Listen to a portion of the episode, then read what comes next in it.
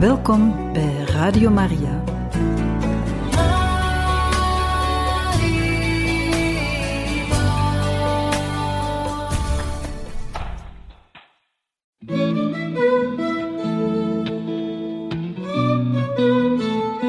De kerk spreekt.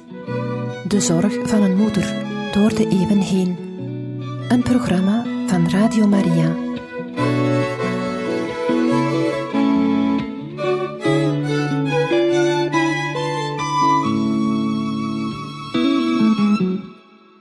Van harte welkom, beste luisteraars van Radio Maria, bij het programma De Kerk Spreekt. Vandaag lezen wij voor uit de encycliek Pacem in Terris, Vrede op aarde, geschreven door de heilige paus Johannes de 23ste op 11 april 1963.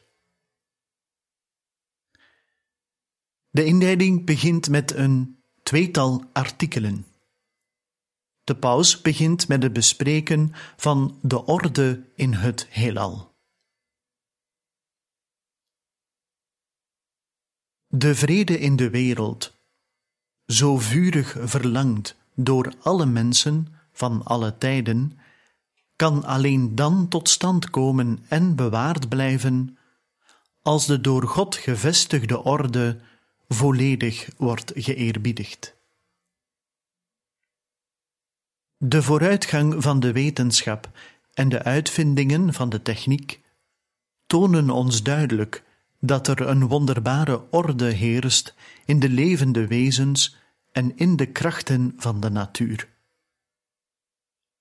Ze laten ons ook de grootheid zien van de mens, die deze orde weet te ontdekken en de middelen weet te vinden om deze krachten te beheersen en aan zich dienstbaar te maken. Maar de vooruitgang van de wetenschap en de uitvindingen van de techniek tonen bovenal de oneindige grootheid van God, die het heelal en de mens heeft geschapen. Hij deed het heelal ontstaan uit het niet en stortte er de schatten van zijn wijsheid en goedheid in uit. Hiervoor brengt de psalmist lof aan God met deze woorden: Heer, onze Heer, hoe heerlijk is uw naam over heel de aarde. En elders, hoe ontzaglijk zijn uw werken, Heer, je hebt alles met wijsheid gemaakt. God heeft de mens geschapen naar zijn beeld en gelijkenis, hem begiftigd met verstand en vrije wil, en hem aangesteld tot meester over het heelal, zoals de psalmist het opnieuw zegt. Je hebt hem slechts weinig minder gemaakt dan de engelen, hem met glorie en luister gekroond. Je hebt hem macht gegeven over de werken van uw handen en alles aan zijn voeten gelegd. Artikel 2 De orde onder de mensen. Wat ons echter opvalt, is het contrast tussen deze wonderbare orde in het heelal en de verwarring die er heerst onder de mensen en de volken alsof hun onderlinge betrekkingen slechts zouden kunnen berusten op geweld. Toch heeft de Schepper in het innerlijk van de mens een orde geprent, en deze orde wordt hem door zijn geweten gemanifesteerd en gebiedend opgelegd. Door hun daden tonen zij dat de wet in hun hart geschreven staat waarbij komt het getuigenis van hun geweten, zo zegt de heilige apostel Paulus in zijn brief aan de Romeinen. Hoe kan het ook anders? Alle werken Gods weerspiegelen immers zijn oneindige wijsheid, en dit des te meer naarmate ze een hogere graad van volmaaktheid bezitten. Bij velen echter heerst de verkeerde opvatting dat men de betrekkingen tussen de individuen en hun respectieve politieke gemeenschappen kan regelen volgens dezelfde wetten die gelden voor de irrationele krachten en elementen van het heelal. Terwijl toch de wetten die deze betrekkingen regelen een heel ander karakter dragen en daar te vinden zijn waar de Schepper ze heeft neergeschreven, namelijk in de menselijke natuur. Deze wetten leren de mensen duidelijk. Voor eerst hoe hun onderlinge betrekkingen moeten zijn in de samenleving. Verder hoe de relaties dienen te zijn tussen de burgers en de overheid in de respectieve politieke gemeenschappen. Ten derde, welke verhoudingen er moeten bestaan tussen de politieke gemeenschappen onderling. En tenslotte, hoe de betrekkingen moeten geregeld worden tussen de individuen en de politieke gemeenschappen enerzijds en de gemeenschap van de volken anderzijds. Een gemeenschap waarvan de totstandkoming een dringende eis is van het algemeen belang. Deel 1 De orde onder de individuele mensen. Artikel 1 Ieder menselijk wezen is een persoon, subject van rechten en plichten. Op de eerste plaats willen wij behandelen de orde die er moet bestaan tussen de mensen onderling. In iedere welgeordende en goed functionerende gemeenschap moet als grondbeginsel gelden dat iedere mens een persoon is. Dat wil zeggen, een wezen met verstand en vrije wil begaafd, en dat hij op grond hiervan subject is van rechten en plichten, die rechtstreeks en gelijktijdig voortvloeien uit zijn eigen natuur. Deze rechten en plichten zijn bijgevolg algemeen, onschendbaar en onvervreemdbaar. Beschouwen wij de waardigheid van de menselijke persoon in het licht van de goddelijke openbaring, dan zullen wij haar nog veel hoger schatten, want de mensen zijn verlost door het bloed van Jezus Christus. En zij zijn door de genade kinderen en vrienden van God geworden en erfgenamen van de eeuwige heerlijkheid. Hoofdstuk 1 De rechten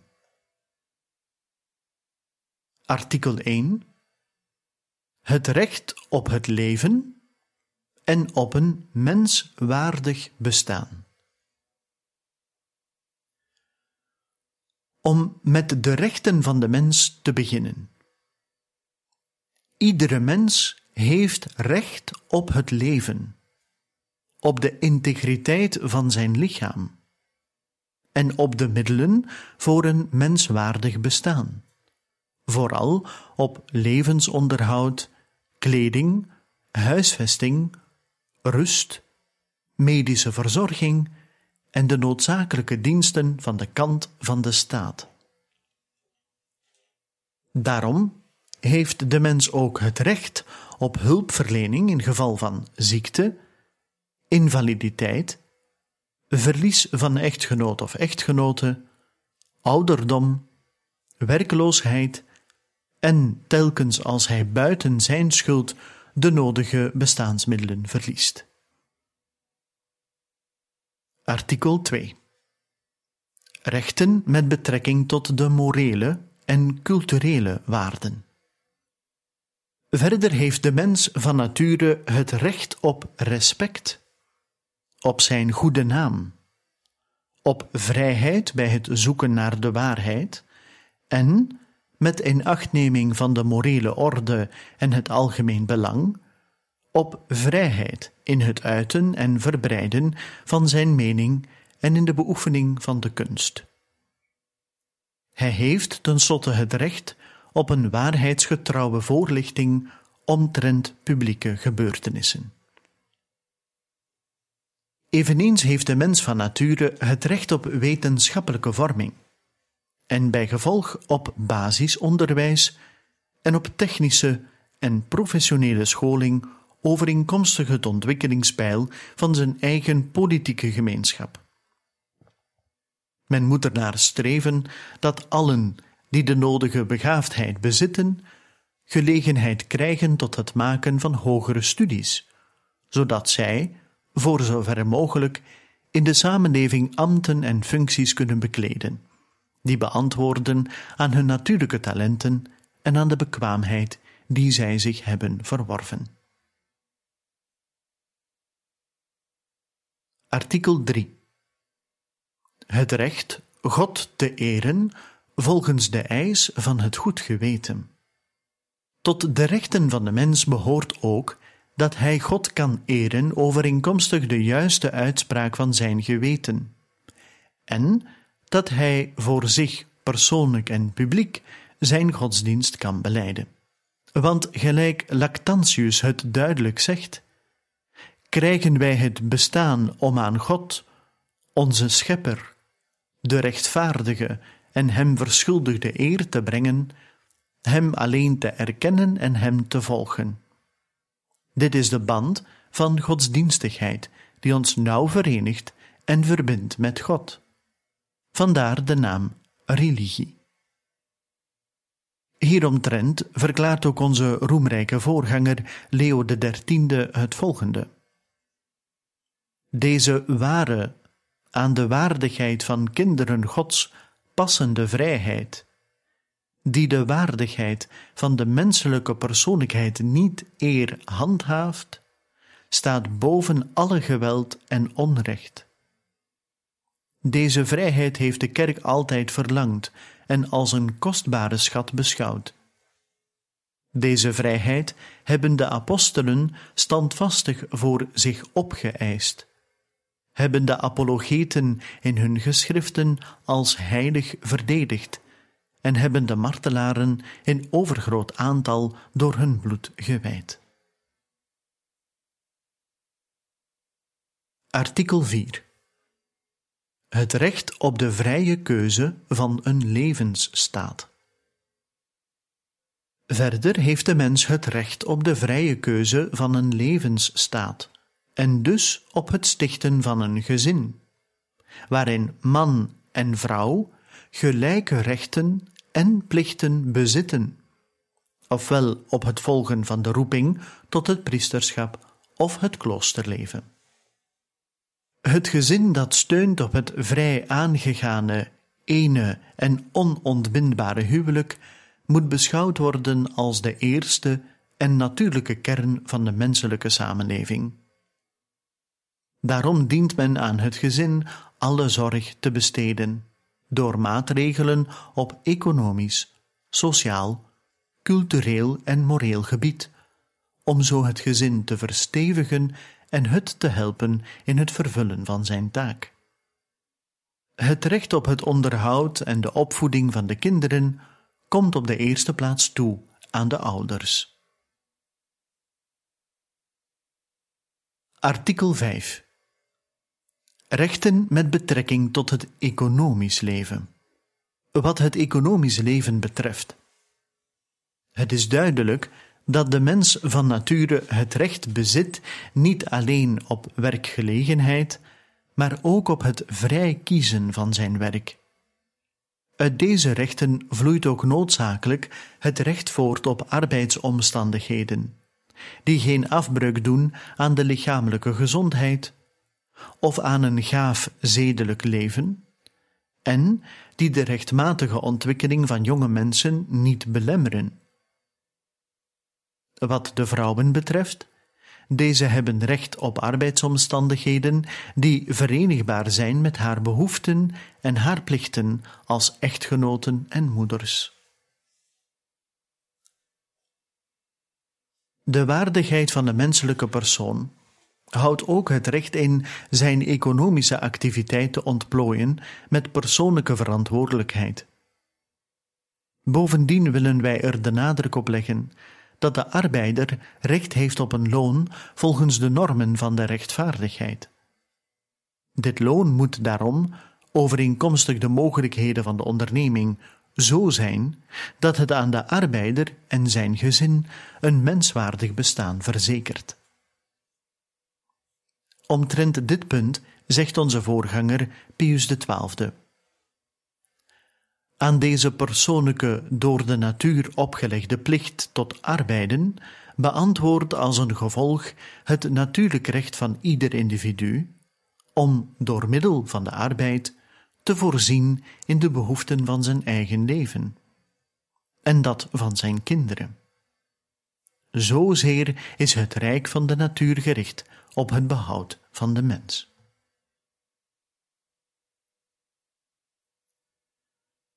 De natuur van de mens schenkt hem bovendien het recht op privaat eigendom, ook van de productiemiddelen. Dit recht vormt, zoals wij elders hebben verklaard, een krachtig middel tot behoud van de menselijke waardigheid en tot de vrije ontplooiing van de menselijke activiteit op alle gebied.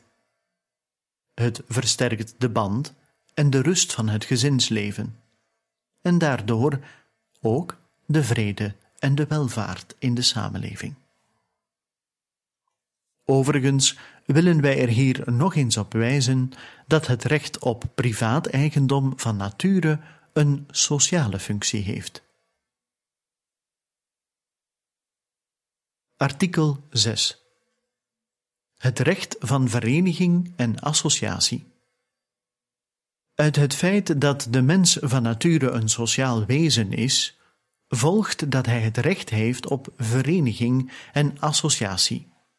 Het recht om aan deze associaties de structuur te geven die het meest geschikt lijkt om het gestelde doel te bereiken.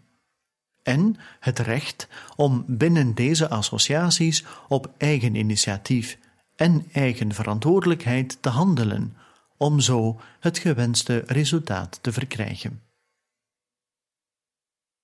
Gelijk wij in de encycliek Mater et Magistra uitdrukkelijk naar voren hebben gebracht, is het dringend nodig een groot aantal intermediaire associaties of lichamen op te richten voor het bereiken van doeleinden, die het individu niet in staat is doeltreffend te verwezenlijken. Deze associaties en lichamen zijn een onmisbaar middel om de waardigheid en vrijheid van de menselijke persoon te beschermen door een juist verantwoordelijkheidsbesef. Artikel 7. Het recht van emigratie en immigratie. Ook heeft iedere mens het recht op vrij verblijf en vrije beweging binnen zijn eigen politieke gemeenschap. En als billijke redenen het wenselijk maken, moet hij ook de vrijheid hebben naar andere landen te emigreren en zich daar te vestigen. Door het feit dat iemand burger is van een bepaalde politieke gemeenschap, houdt hij niet op lid te zijn van de mensenfamilie en burger van de universele wereldgemeenschap. Artikel 8 Rechten van politieke aard. Uit de waardigheid van de menselijke persoon vloeit ook het recht voort actief deel te nemen aan het publieke leven en bij te dragen tot het algemeen welzijn. Want, gelijk onze voorganger Pius XII zegt, de mens als zodanig is niet het object en een passief element van het maatschappelijk leven, maar hij is in tegendeel het subject, de grondslag en het doel ervan, en hij moet dit zijn en blijven. Ook komt aan de menselijke persoon de wettige verdediging toe van zijn rechten. Een effectieve en onpartijdige verdediging volgens objectieve normen van rechtvaardigheid, gelijk onze voorganger Pius XII het formuleert. Uit de door God gewilde rechtsorde vloeit voort het persoonlijk en onvervreemdbaar recht van de mens op rechtszekerheid, en juist daarmee op een concrete rechtssfeer die tegen iedere aanval uit willekeur is beschermd.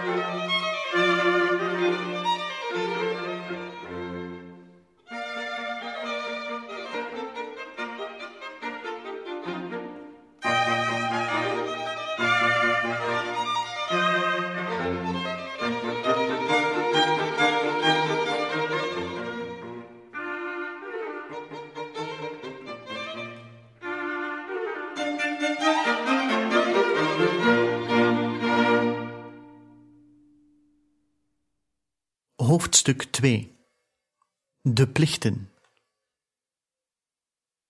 Artikel 1 Noodzakelijk verband tussen rechten en plichten in dezelfde persoon. De natuurlijke rechten die wij tot nu toe hebben besproken, zijn in de mens, die er de drager van is, verbonden met evenzo vele plichten. Beide, rechten zowel als plichten, ontlenen hun oorsprong, hun voedsel en hun onverwoestbare kracht aan de natuurwet, die ze schenkt of oplegt. Het recht van de mens op het leven, bijvoorbeeld, is verbonden met de plicht zijn leven te bewaren. Het recht op een menswaardig bestaan met de plicht menswaardig te leven het recht om in vrijheid de waarheid te zoeken, met de plicht te streven naar een diepere en bredere kennis van de waarheid. Artikel 2 Wederkerigheid van rechten en plichten tussen verschillende personen. Zo beantwoordt ook in de menselijke samenleving aan een natuurlijk recht van de ene mens een plicht van de andere. De plicht namelijk dit recht te erkennen en te eerbiedigen, want ieder fundamenteel recht van de mens ontleent zijn kracht en gezag aan de natuurwet, die dit recht schenkt en een overeenkomstige plicht oplegt. Wie dus bij het opkomen voor zijn rechten zijn plichten vergeet, of er niet voldoende rekening mee houdt, loopt gevaar met de ene hand af te breken wat hij met de andere hand opbouwt. Artikel 3. Onderlinge samenwerking. Omdat de mensen sociale wezens zijn, moeten zij met elkaar samenleven en elkaars welzijn behartigen. Daarom eist een goede orde in de samenleving dat men elkaars rechten en plichten erkent.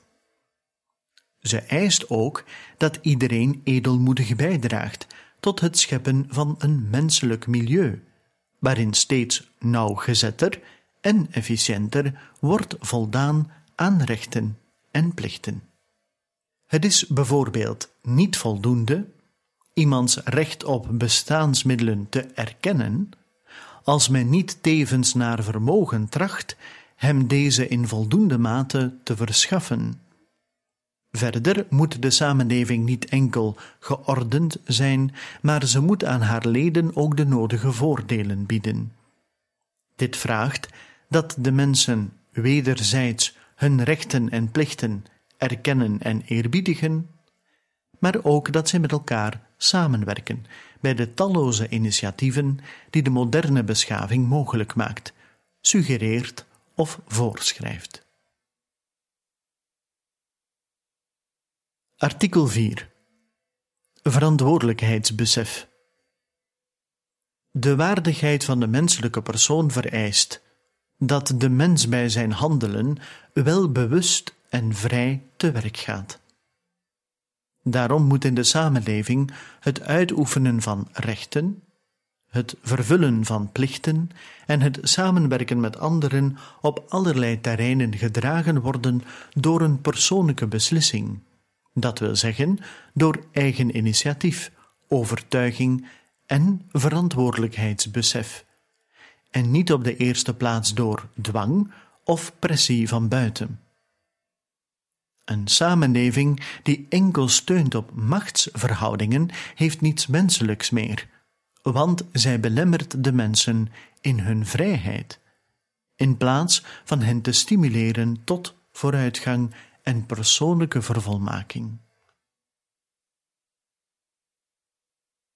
Artikel 5 Samenleving in waarheid, rechtvaardigheid, liefde en vrijheid. Een menselijke samenleving is dus geordend, functioneert goed en beantwoordt aan de menselijke waardigheid, als zij steunt op de waarheid volgens de vermaning van de apostel Paulus in zijn brief aan de Efeziërs. Doet de leugen weg en laat ieder met zijn naaste de waarheid spreken, want wij zijn elkanders ledematen. Hiervoor is nodig dat men elkaars rechten en plichten erkent. Wil een samenleving het zojuist beschreven ideaal verwezenlijken, dan moeten bovendien de leden ervan, uit beginsel van rechtvaardigheid, elkaars rechten respecteren en hun plichten vervullen. Dan moeten zij met zulk een liefde bezield zijn, dat zij de noden van anderen voelen als hun eigen noden. Anderen meedelen van hun bezit en ernaar streven dat alle mensen over heel de wereld steeds meer deel krijgen aan de geestelijke waarden. Meer nog, een dergelijke samenleving wordt in vrijheid samengehouden dat wil zeggen op een wijze passend bij de waardigheid van mensen, die als redelijke wezens zelf de verantwoordelijkheid willen dragen voor hun handelingen.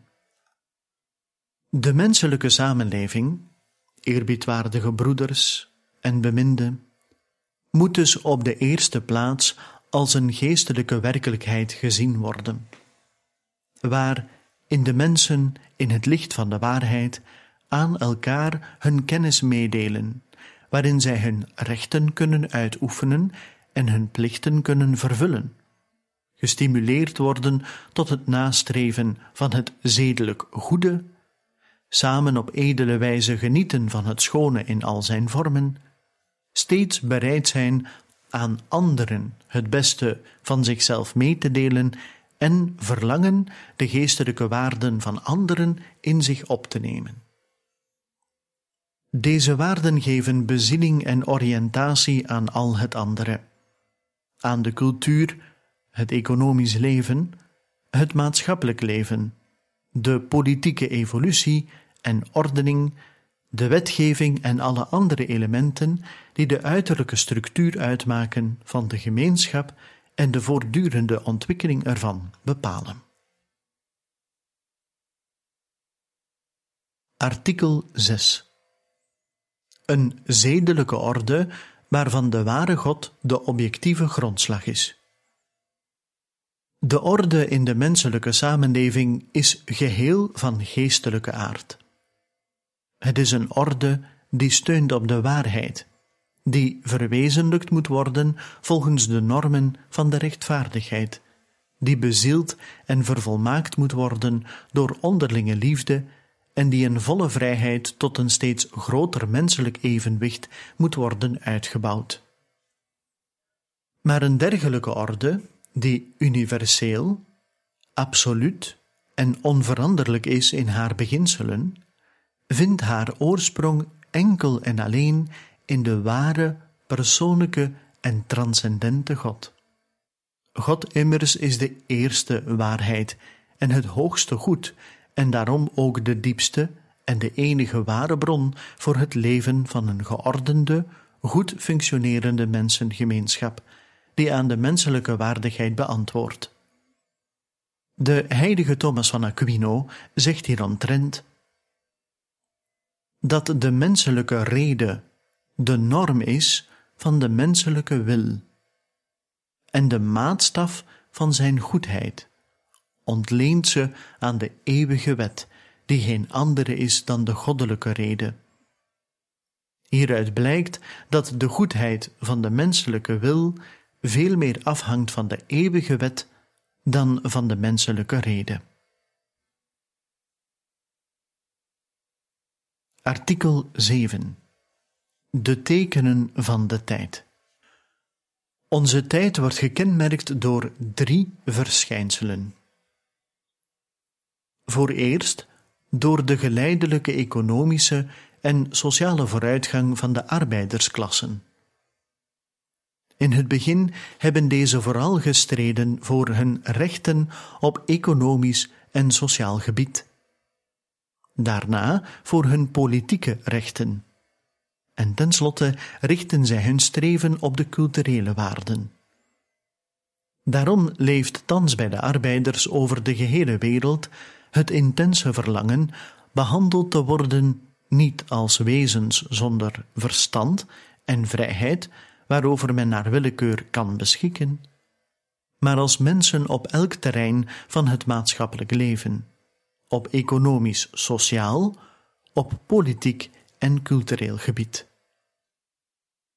Een tweede, algemeen bekend verschijnsel is dat de vrouw haar intrede doet in het openbare leven. Dit gaat misschien sneller in zijn werk bij volken met een christelijke beschaving, en langzamer, maar toch op brede schaal, bij volken met andere tradities en een andere cultuur. Want de vrouw wordt zich steeds meer bewust van haar menselijke waardigheid zij wil daarom niet langer beschouwd worden als een zieloos wezen of een werktuig, maar eist de rechten en plichten voor zich op van de menselijke persoon, zowel in het gezin als in de maatschappij. Ten slotte vertoont de mensengemeenschap in onze tijd een totaal gewijzigd beeld op sociaal en politiek gebied. Want nu alle volken hun onafhankelijkheid hebben verkregen, of op het punt staan te verkrijgen, zullen er spoedig geen volken meer zijn die anderen overheersen of die overheerst worden. De mensen over heel de wereld zijn ofwel reeds burgers van een onafhankelijke staat, of zullen dit spoedig worden. Geen enkele etnische gemeenschap wil nog onderworpen zijn aan vreemde overheersing. Zo verdwijnen in onze tijd eeuwenoude opvattingen die bij sommige mensengroepen voerden tot een minderwaardigheidscomplex en bij anderen tot een superioriteitsgevoel, op grond van economisch, sociale factoren, sekse of politieke situatie. In plaats hiervan is allerwegen de overtuiging gegroeid dat alle mensen éénzelfde natuurlijke waardigheid bezitten. Hierdoor wordt rassendiscriminatie niet meer aanvaard, althans in theorie.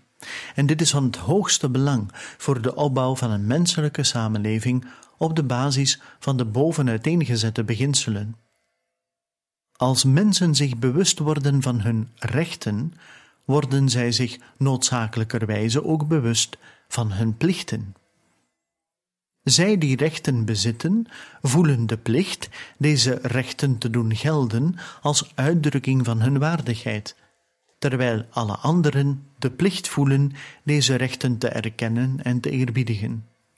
En wanneer de menselijke samenleving komt te staan in het teken van rechten en plichten, dan worden de mensen meer ontvankelijk voor de geestelijke waarden en gaan zij begrijpen wat waarheid is, rechtvaardigheid, liefde, vrijheid.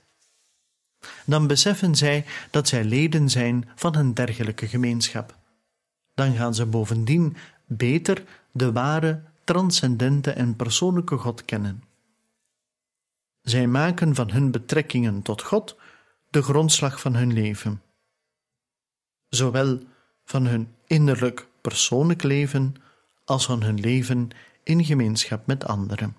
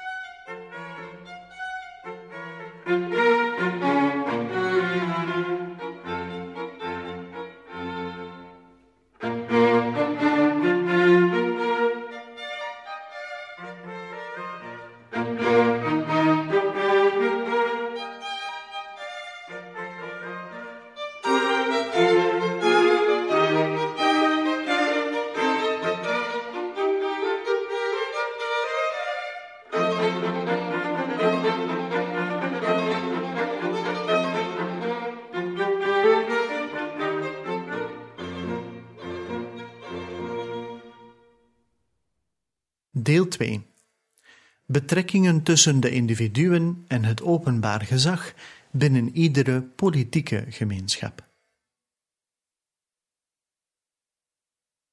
Artikel 1 De noodzakelijkheid van het gezag en de goddelijke oorsprong.